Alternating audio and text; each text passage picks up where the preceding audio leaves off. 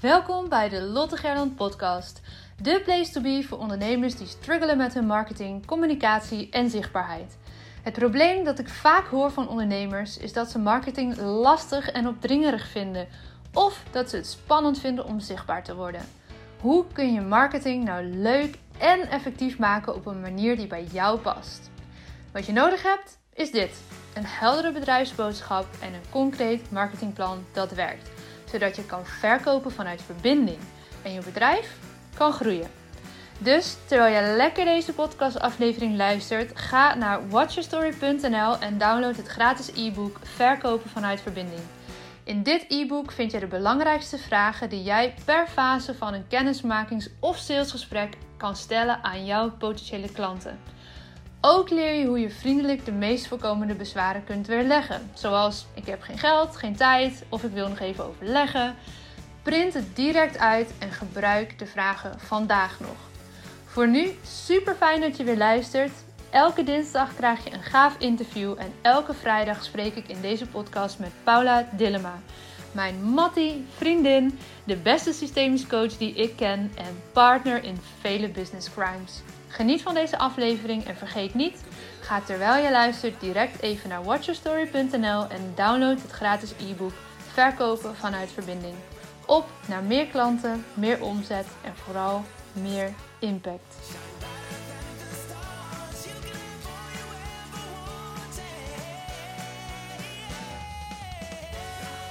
Goedemorgen, Aleia. Zo leuk dat je in de podcast bent.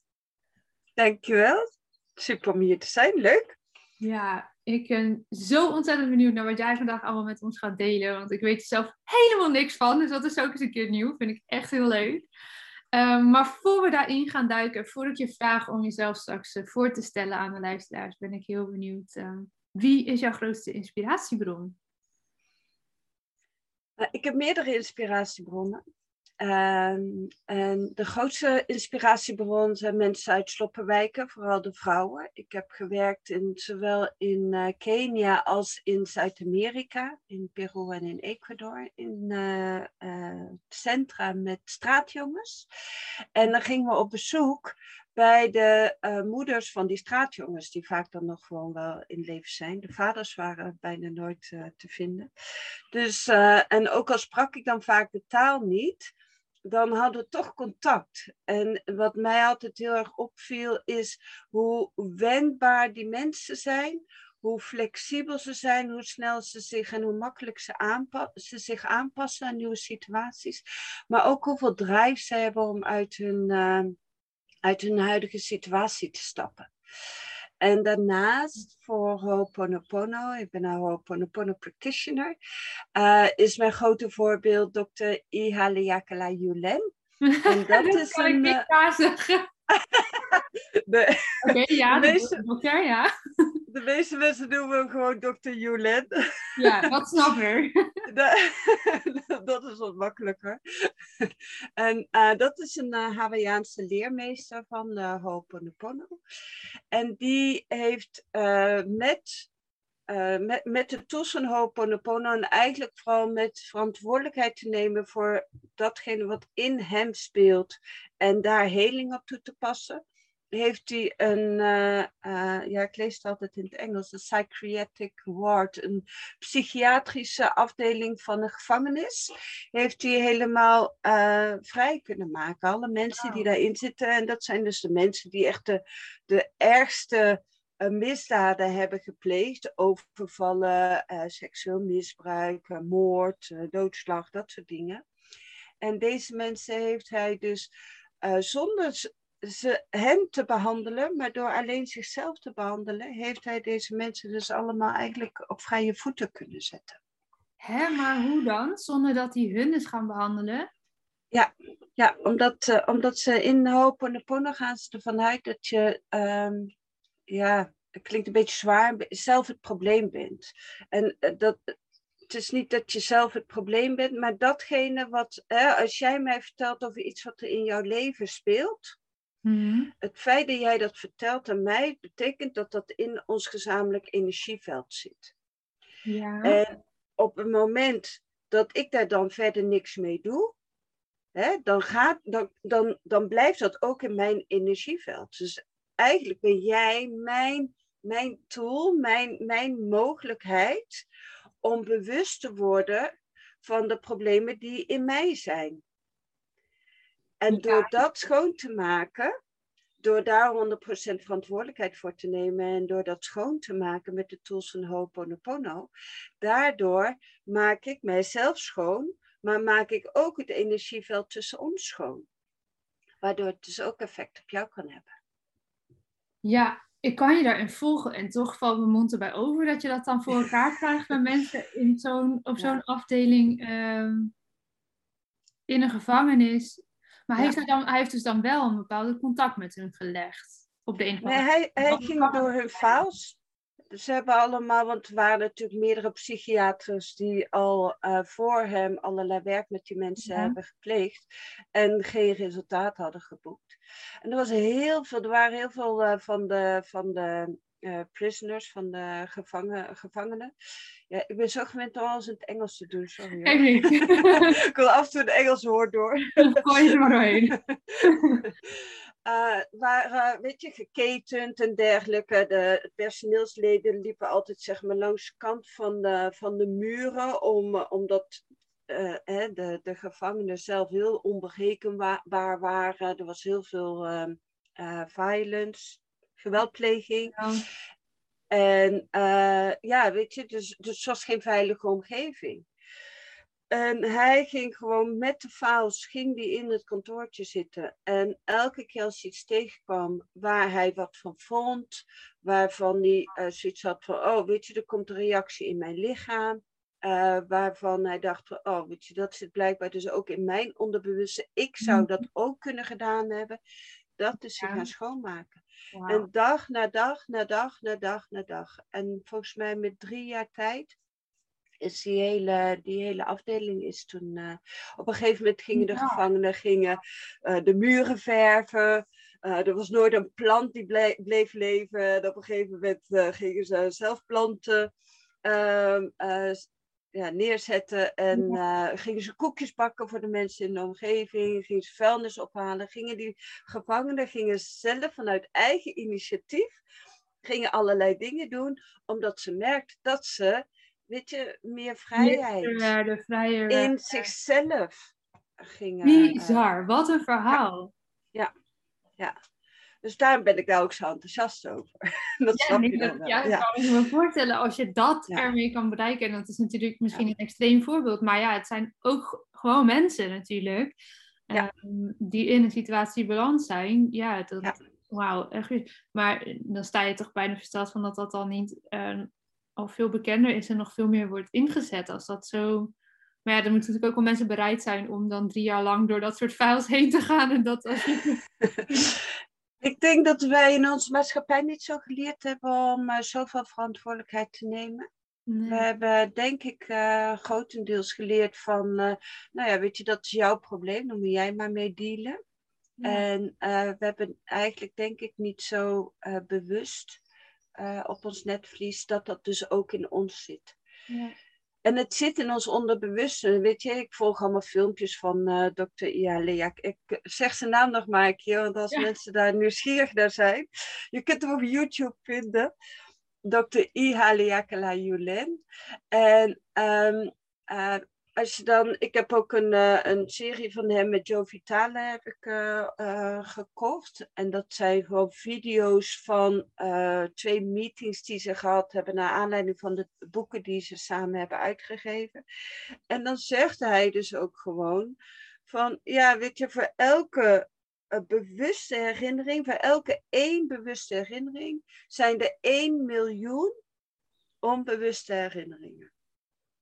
Dus we zijn van heel veel dingen niet bewust. Ja, ja. Het zit allemaal in ons onderbewuste. Ja, het zit daar wel opgeslagen. Hey, ik wil daar straks nog eventjes een, uh, een leuke vraag over stellen. Maar uh, voor we daar, uh, daar naartoe gaan, denk ik dat het goed is dat je jezelf ook gewoon nog heel even voorstelt. Want naar wie luisteren de mensen op dit moment? nou, mijn naam is Ariella, Araleia. Nou, dan zit ik natuurlijk met die naam van de Ialiakla in mijn hoofd. Lekker handig. Mijn naam is Araleia Geeske. Ik ben uh, uh, Ho'oponopono practitioner. Ik heb zelf heb ik best wel, ik, weet je, ik heb geen grove dingen of zo meegemaakt in mijn jeugd, maar ik ben wel echt een buitenbeentje binnen het gezin. Mm. Uh, daar waar mijn, zowel mijn vader, mijn moeder als mijn broer en mijn zus heel erg rationeel zijn, zijn, ben ik heel erg gevoelig. Dus ik pas er nooit zo, zeg maar. Dus mm. daaruit heb ik een soort van verkeerde concepten in mezelf geplant. Van, nou ja, je moet maar rationeel zijn, want dan hoor je er tenminste bij. Ik heb altijd heel erg mijn best gedaan om overal in te passen. Dat lukte nooit zo, want zo zit ik gewoon blijkbaar niet in elkaar. En, uh, en van daaruit ben ik dus, weet je, ik ben altijd ehm, in customer service banen terechtgekomen. Waar ik me heel erg op mijn plek voel. Al voelde, nu niet meer. Mm waar ik me heel erg op mijn plek voelde. En op een gegeven moment daar burn-out, bore-out, uh, depressie opgelopen en dergelijke. En ik had al sinds 2011 had ik al therapie. En, en daarvan, weet je, ik werd meer bewust van wat er allemaal speelde. Maar het loste zich niet op.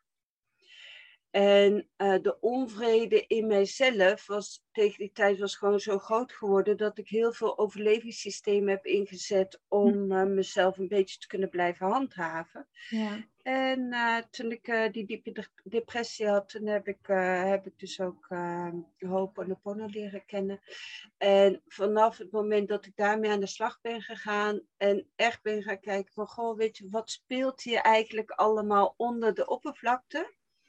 uh, ben ik, uh, ben ik uh, veel meer bewust geworden van wat mijn eigen taak daarin is. Maar ook Weet je, dat ik geen slachtoffer ben. Ik was heel goed in slachtoffermentaliteit. Dat ik geen slachtoffer ben van het gezin waar ik in geboren ben. Want ik heb die gekozen. Ik ben geen slachtoffer voor alle dingen die zijn overkomen. Want daar heb ik voor gekozen. Op een, op een zielsniveau, niet op een bewust niveau. Maar het was wel duidelijk uh, dat, uh, dat ik daar op een andere manier naar mocht gaan kijken. Ja, ja heel mooi. Ja, ik ben naar Hawaii geweest en daar zijn we ook bij tempels geweest. Ja, dus want Hawaii, dat, daar, Hawaii, Ho'oponopono, voor mensen die nu denken, oké, ik heb nu tien keer Ho'oponopono gehoord. Wat is, wat is het? Kun je dat in de basis, uitleggen van waar hebben we het eigenlijk over? Uh, nou, dat vind ik wel heel lastig. Ik kan je uitleggen hoe dat ik ermee werk. Ja, dat is goed. Dus doe maar. Ja, oh, Ponopono staat bekend als een vergevingsritueel. Juist ook vanwege de boeken die erover geschreven zijn, gaat het heel erg over de vier zinnetjes. Het spijt me, vergeef me, ik dank jou, ik hou van jou. Uh, en daar kun je veel meer mee dan alleen maar die vier zinnen opzeggen. Dus ik ben eigenlijk begonnen met uh, toen ik in Afrika was, kende ik die vier zinnen al. En toen heb ik dat heel erg meegenomen in, in mijn contact met de kinderen daar. Uh, maar je kunt eigenlijk veel dieper gaan en het zien en het beginnen zien als spiegel. Ho'oponopono gaat echt heel erg over jezelf de spiegel voorhouden. Dus als iemand tegenover jou op een bepaalde manier reageert, dat je dan niet zegt van, nou ja, weer een raar persoon, maar dat je dan gaat kijken van, oh, oké, wat wil die persoon mij eigenlijk vertellen? Want iedereen in jouw omgeving is een soort van een wakker mechanisme. Mhm. Is een tool, is een, is een persoon, is een, is, een, is een mogelijkheid om wakker te worden en in je eigen spiegels te gaan kijken. En dat is dus ook wat Ho'oponopono, waarom Ho'oponopono van mij 100% verantwoordelijkheid uh, betekent. Juist omdat ik in die spiegels begin te kijken en nou, oké, okay, weet je, daar heb ik dus blijkbaar nog iets te leren. En zo kan zijn mensen die jou triggeren in waar je heen wil. Mhm. Of mensen die jou triggeren in waar je juist niet wil zijn. Ja. Dus voor mij is Ho'oponopono heel erg een, een, een, eh, een helingsmechanisme op energieniveau. Dat je helpt om uh, op andere manier naar situaties te kijken. Ja. ja, en de vraag die zo net in me opkwam, um, die wil ik dan nu wel aan je stellen. Want uh, ik denk dat er, er zijn heel veel dienstverlenende ondernemers die naar deze podcast luisteren. Voor zover ik weet natuurlijk, want ja, dat weet je met een podcast nooit helemaal precies. Ehm, en ook veel coaches onder hun. Ehm, als je dan te maken hebt bijvoorbeeld met een, een coachklant die je, die je helpt, hè, of coachie, hoe je het maar noemt, ehm, die dus bij jou, uh, in dit geval dan bijvoorbeeld bij mij, iets triggert. hoe ga je daar dan vanuit de filosofie van Oponopono goed mee om? Want blijkbaar zegt dat dus iets over mij. En iets wat ik ook nog mag gaan opruimen. Uh, in dienst dus ook van die ander. Dus eigenlijk is het heel mooi als ik, als ik die taak serieus neem en daar dus iets mee ga doen. Maar dan twee vragen erover. Wat ga ik daar dan mee doen? En vooral, hoe doe ik dat dan vanuit de filosofie van Ho'oponopono? Nou, um, wat je... Kijk, wat wij in therapieland eigenlijk onszelf hebben aangenomen is, uh, er komt de klant bij ons als therapeuten en we hm. denken dat het probleem bij de klant ligt. Ja. En uh, vanuit Ho'oponopono, vanuit de teachings die ik van uh, dokter Julen heb gekregen, is het van, nee, het probleem ligt niet bij de klant, het probleem ligt bij mij. Juist. Want hè, hoe verklaar je anders dat je eigenlijk altijd mensen op je pad krijgt met dezelfde thematiek, als waar je zelf in je dagelijks leven ook meespeelt. Mm dus, dus het is eigenlijk therapie op zijn uh, omgekeerde therapie. Want op het moment dat mensen bij mij in gesprek zijn, dan gebruik ik mijn Ho'oponopono tools om mij schoon te maken van alles wat opgewekt wordt door die klant. Want in elk contact dat je hebt, of het nou een fijn of een minder fijn contact is, je wordt altijd ergens op getriggerd. En niet altijd op, op bewust niveau, maar heel erg op onbewust niveau. En kan je ons dan misschien wat meer vertellen over, hè, je noemt je gebruikt dan bepaalde tools, uh, technieken. Uh, kan je ons daar eens wat meer over vertellen? Ik snap dat we dat niet vanuit een podcast allemaal kunnen leren, misschien, maar uh, wil je me daar eens in meenemen? Wat, wat doe jij dan bijvoorbeeld op zo'n moment? Nou ja, goed, als je, als je het heel goed zeg maar, voor elkaar hebt, dan uh, kun je tegelijkertijd, terwijl die persoon aan het spreken is, kun je, uh, kun je de Ho'oponopono prayer uit, uh, uitvoeren. En, en dit is allemaal kapu. Kapu betekent dat het heilig is, dus dat kan ik ook niet zo in een podcast zeggen. Maar mensen kunnen mij daar, weet je, ik geef één sessie en dan geef ik die tools al gewoon mm -hmm. weg. Um, maar wat je, wat je eigenlijk, wat je ook kunt doen, is gewoon de vier zinnen gebruiken, want die zijn gewoon publiek. En op het moment dat die persoon met jou in gesprek is, en ik doe dat zelf ook, en ik, ik reduceer het eigenlijk tot één zinnetje. Op het moment dat de persoon met mij in gesprek is, dan zeg ik I love you, I love you, I love you. Maar niet naar die persoon, naar mezelf. Naar al die energieën in mezelf die opborrelen door wat er gezegd wordt. Ja. Want het gaat eigenlijk helemaal niet, het, het gaat ook niet eens om wat de persoon zegt. Het gaat uh, eigenlijk niet eens om wat de persoon doet of hoe de persoon is. Het gaat eigenlijk nog veel meer over de ancestor de voor, voorouderlijn. Ja, en, De, en de volgende generatie schoonmaken. Ho'oponopono is heel sterk in, in het uitvoeren van, van uh, schoning van je eigen en van de andermans uh, voorouderlijn. Ja. Daarom doe ik ook altijd Ho'oponopono één op één. Mijn, mijn leraar, die zit in Amsterdam, lerares, die, doet dat, eh, die kan dat in groepsverband, maar dat is voor mij gewoon nog te ingewikkeld. Ik doe het nu wel twee jaar, ik ben al twee jaar practitioner. Maar de vraag, het vraagt heel veel concentratievermogen voor mij om me dat helemaal eigen te maken. Ja. Dus wat ik eigenlijk altijd doe, is op het moment dat iemand tegenover mij zit met een bepaalde problematiek komt, zeg ik I love you, I love you, I love you. Ja, mooi. Ja, wil die vier zinnen nog eens herhalen? Want die had je net al even vluchtig genoemd. Ja, het spijt me. Ja. Vergeef me. Ik dank jou. Ik hou van jou. En om die reden wordt Ho'oponopono ook eigenlijk altijd gezien als zijnde vergevingsritueel. Maar het gaat veel verder dan dat. Want op het moment dat jij ziet dat die persoon voor jou dat doet, wat voor verschrikkelijks die persoon ook uitgehaald heeft, maar dat doet vanwege het feit dat jij die les hebt moeten leren in dit leven, dan heb je die persoon niet meer te vergeven. Want je hebt hem uitgenodigd op, jou, op, jou, op jouw podium, Ja, in jouw leven. Ja mooi. En het is heel lastig hoor. Weet je, vraag me niet om dit te doen met iemand die eh, misbruik heeft meegemaakt, want dan ga ik zelf ook nog flippen. Weet je, ik maak er natuurlijk zelf ook mijn stappen in om steeds dieper in mijn eigen ja, rommel, te mijn eigen Mhm. rommel te gaan opruimen. Ja, want eigenlijk wat jij heel mooi zegt, hè, van die, die voorouders en die lijn die, die achter en ook voor jou ligt, van je eigen kinderen in dat geval, misschien of zelfs kleinkinderen. Ehm, dat is eigenlijk ook heel, heel systemisch, want dat is natuurlijk wat ik samen met eh, Paula Dillema, zij is systemisch coach en wij werken veel samen. En haar zie ik natuurlijk ook eh, dat heel vaak met eh, onze ge- gemeenschappelijke groepen ehm, ja, aanpakken op, op zo'n ja, liefdevolle manier is dat ook eigenlijk. Tuurlijk, zij, doet het anders dan wat, hoe jij er naar kijkt. Maar ehm, ik snap wel dat ding van terug gaan kijken naar eh, de lijnen die nog achter jou liggen. Ik heb dat zelf ook mogen ervaren. Ja. En daar wat rommel mogen opruimen. eh, wat gewoon doorgegeven is met liefde, maar wat mij niet meer dient. En wat mag Mhm. blijven bij hè, die generaties voor mij.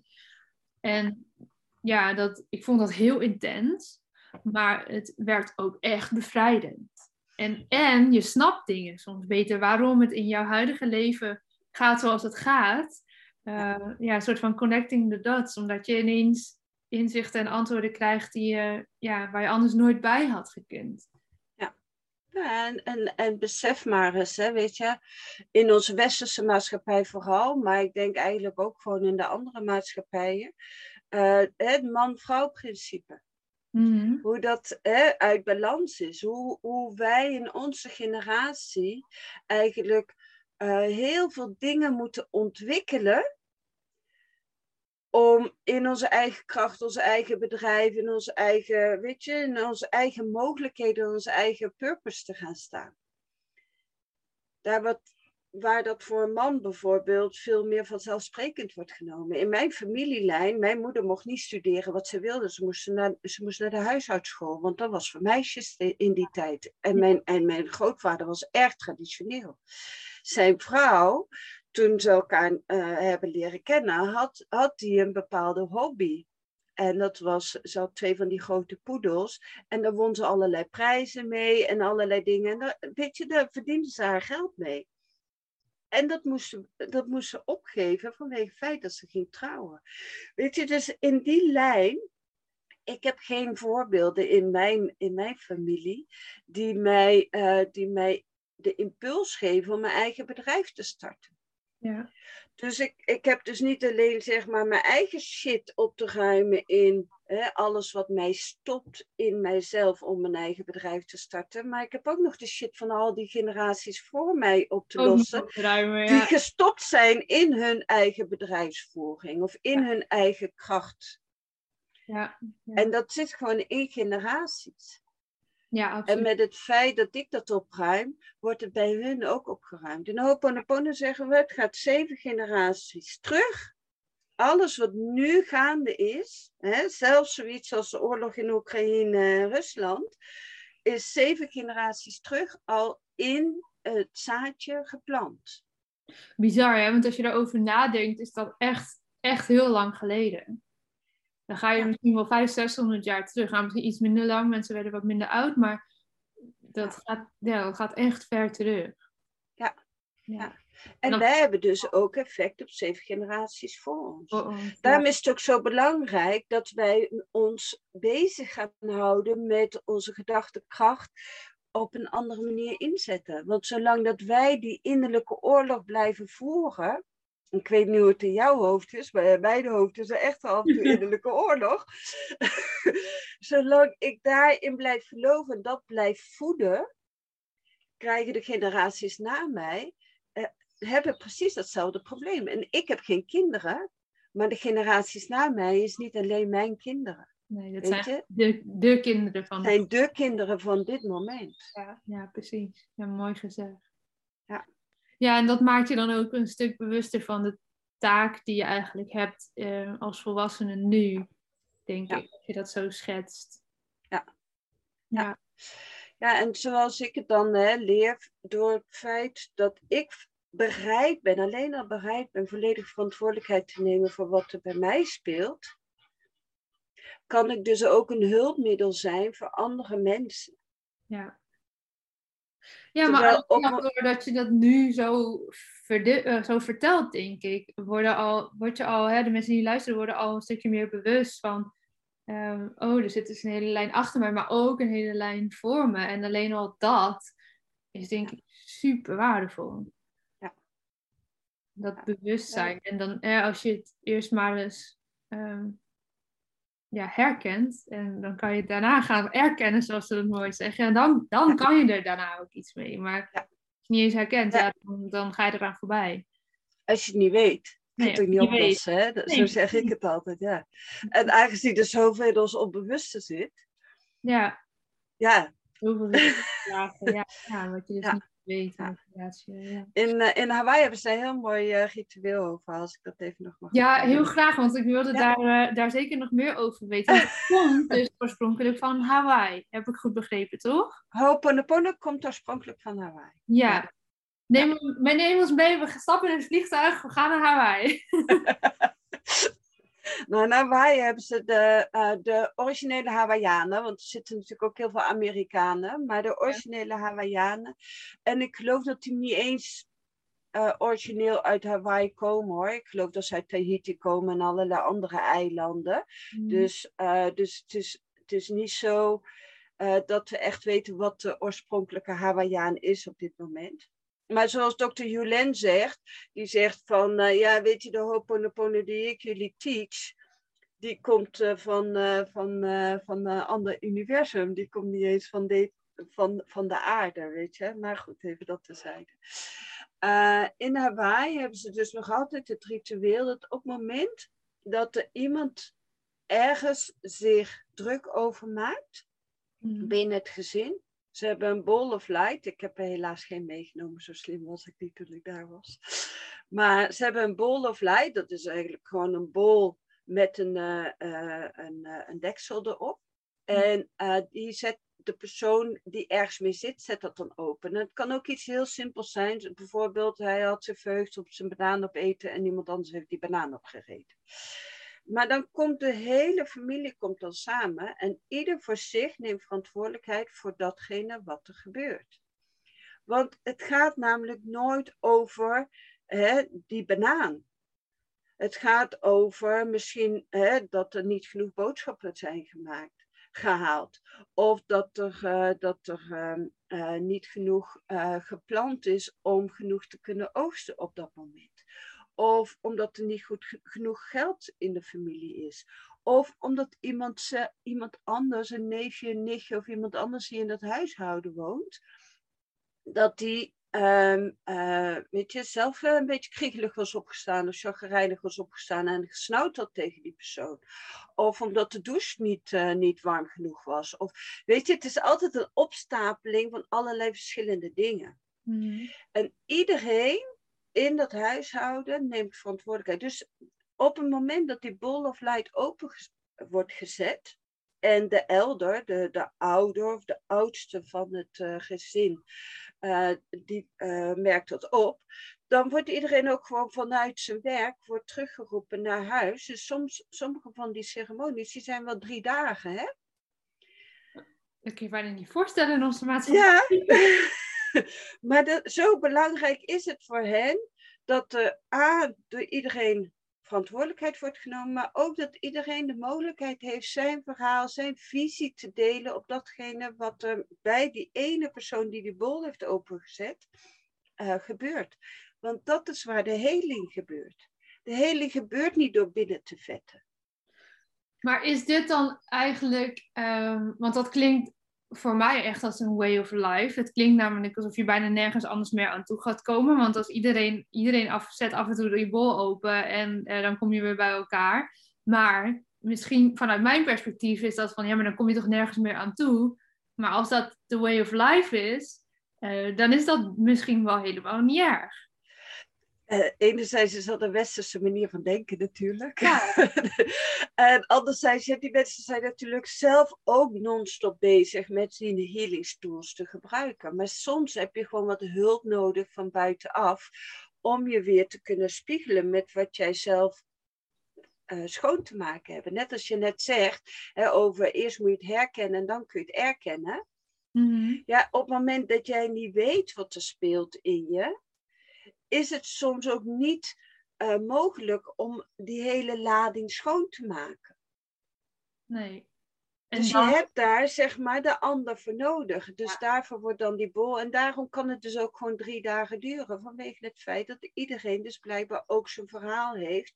En geraakt wordt door die ene persoon die die bol heeft opengezet. Ja, want dan komt er natuurlijk komen allerlei andere dingen. komen allerlei andere dingen naar boven die dus dan op dat moment ook weer schoongemaakt kunnen worden. Maar en is dat dan, even voor mijn voorstelling hoor, want ik kijk natuurlijk heel erg met, met de westerse bril naar, maar uh, zetten ze dan niet elke keer die bommen open? Of, want ja, is dat dan een soort van um, ultiem iets of zo om te beslissen dat je hem openzet? Of is dat gewoon onderdeel van hun dagelijks leven dat, hè, dat met grote regelmaat die, die bol open wordt gemaakt? Lotte, ik heb geen idee. Geen idee. Okay. nee, sorry. ik vermoed dat omdat mensen zelf hè, vanaf heel jong, kinderen in Hawaii worden vanaf dat ze drie jaar zijn, worden ze bij elders geplaatst. Worden ze mhm. uit huis gehaald. En dat is vanwege het feit dat ouders in principe, volgens de Hawaiiaanse leer, niet de beste leermeesters zijn voor hun kinderen. Dus we pakken dan een ouders, ouder, de opa's en oma's. De opa's en oma's. Of ze gaan echt ook in de leer bij een, uh, bij een, uh, bij een, uh, bij, bij een leraar. Oké, okay. want je wou zeggen, want ouder? Ja, want ouders, weet je, op het moment, ja, jij bent ouder, dus jij weet dat mhm. beter dan ik.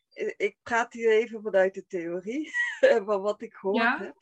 Maar ouders, in principe, op het moment dat zij kinderen krijgen, zijn ze in de bloei van hun leven.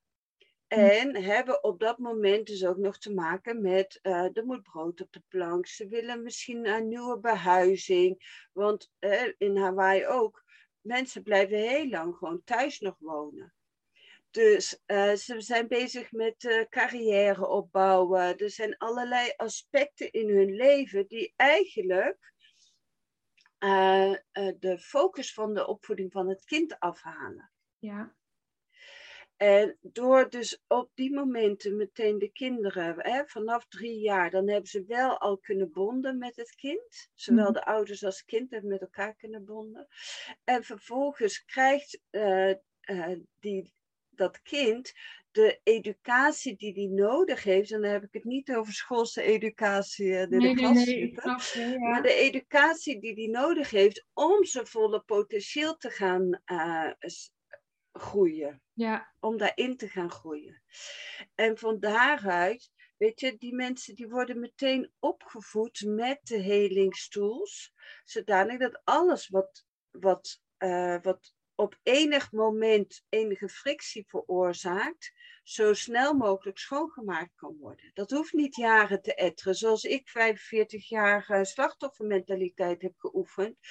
Dat komt daar natuurlijk niet voor. Nee, omdat het al zo in de basis aangepakt wordt en, en geleerd wordt. Precies. Ja. ja, maar ook omdat, omdat, die, uh, omdat die ontkoppeling wordt gedaan tussen ouder en kind. Maar dan gaan ze gewoon echt helemaal uit huis komen, niet uh, voor... Natuurlijk komen ze nog thuis, maar de opvoeding gebeurt vanaf dat moment in een andere plek.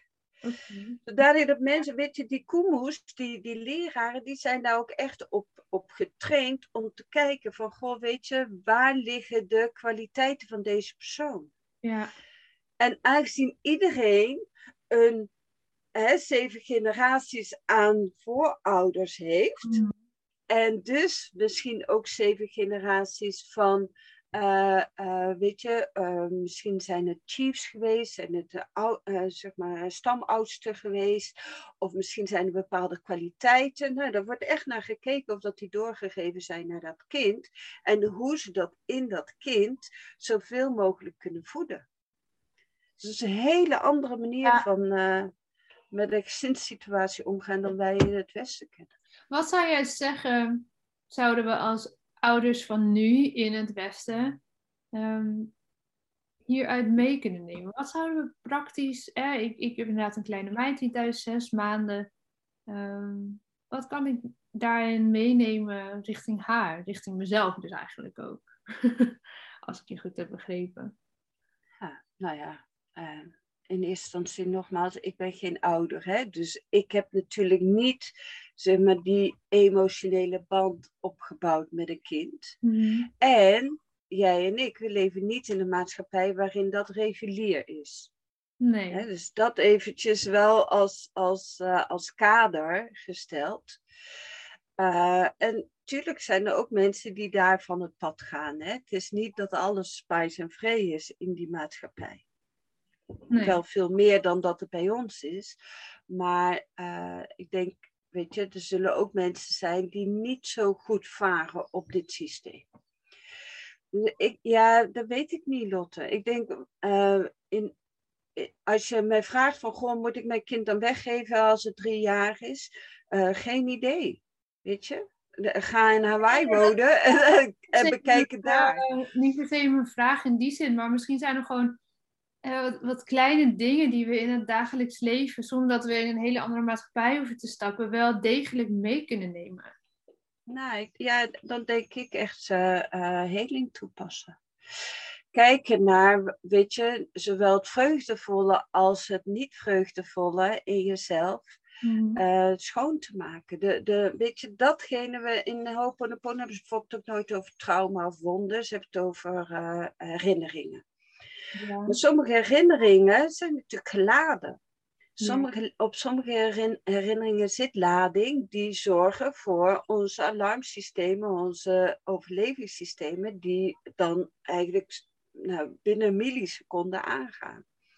Dus op het moment dat we daar bewustheid op gaan brengen en zorgen dat we die lading gaan terugbrengen tot wat het eigenlijk hoort te zijn, ongeladen, dan kunnen we zeg maar, vanuit meer heelheid kijken naar de situaties die ons overkomen. Ja. En waar we tegenaan lopen. Want datgene waar wij tegenaan lopen, is meestal een opstapeling van al die lading die om die herinnering heen zit. ik heb zelf hele mooie. Ja, het zijn natuurlijk, de herinneringen in principe zijn niet mooi. Maar ik heb er wel hele mooie lessen uit kunnen uh, trekken. Ja. Ja, en dat, dan, dat is dan de waarde die je er wel echt uithaalt. Ja, ja zeker wel. Um, als mensen dit nu uh, gaan luisteren naar deze aflevering met ons en het resoneert om op deze manier eens te gaan kijken naar datgene wat er te hele valt, uh, hoe kunnen ze in contact komen met jou? Want ik denk echt wel dat er mensen zijn uh, die gewoon wel een beetje klaar zijn, misschien met de reguliere therapieën en weet ik het allemaal, en die nu hebben geluisterd en denken van nou, misschien is dit voor mij wel de way to go. Dit spreekt me aan, dit past bij mij. Ehm, hoe kunnen ze in contact komen met jou? Ik heb nog geen website en dat soort dingen, maar wat ik wel heb is, uh, uh, je kunt me via Facebook kun je me contacten, kun je me vinden op Araleia Geeske Braams. Ja. Of je kunt me per e-mail kun je me bereiken, araleia.inspirationcoaching.net. Oké, okay, at inspirationcoaching.net. En anders Facebook Aralaya Geeske Braams. Ja. Fantastisch. Hey, mag ik je bedanken voor dit prachtige gesprek en jouw uh, hele mooie um, ja, inzichten en uitleg over wat Ho'oponopono is en wat dat voor ons uh, kan betekenen. Ja, heel graag gedaan. Dat is leuk. Heel fijn. Uh, eens een keer eh, mijn kennis daarover te mogen verspreiden. Ja, ja heel ja. fijn. Dankjewel. Dankjewel voor het luisteren naar deze aflevering van de Lotte Gerland podcast. Ik vind het te gek als je deelt dat je hebt geluisterd, bijvoorbeeld via je Instagram stories. Tag me vooral, zodat ik jouw bericht ook weer kan delen. Samen bereiken we zo nog meer mensen en kunnen we nog meer impact maken. Tot slot, ik zeg het nog maar een keertje. Ga naar watchyourstory.nl en download je gratis e-book Verkopen vanuit Verbinding. Zodat je niet langer hoeft te struggelen met het voeren van fijne kennismakings, intake of salesgesprekken. En als je nog even moed wil verzamelen voor je eerstvolgende gesprek, luister dan naar de heerlijke Watch Your Story song als afsluiter van deze podcast.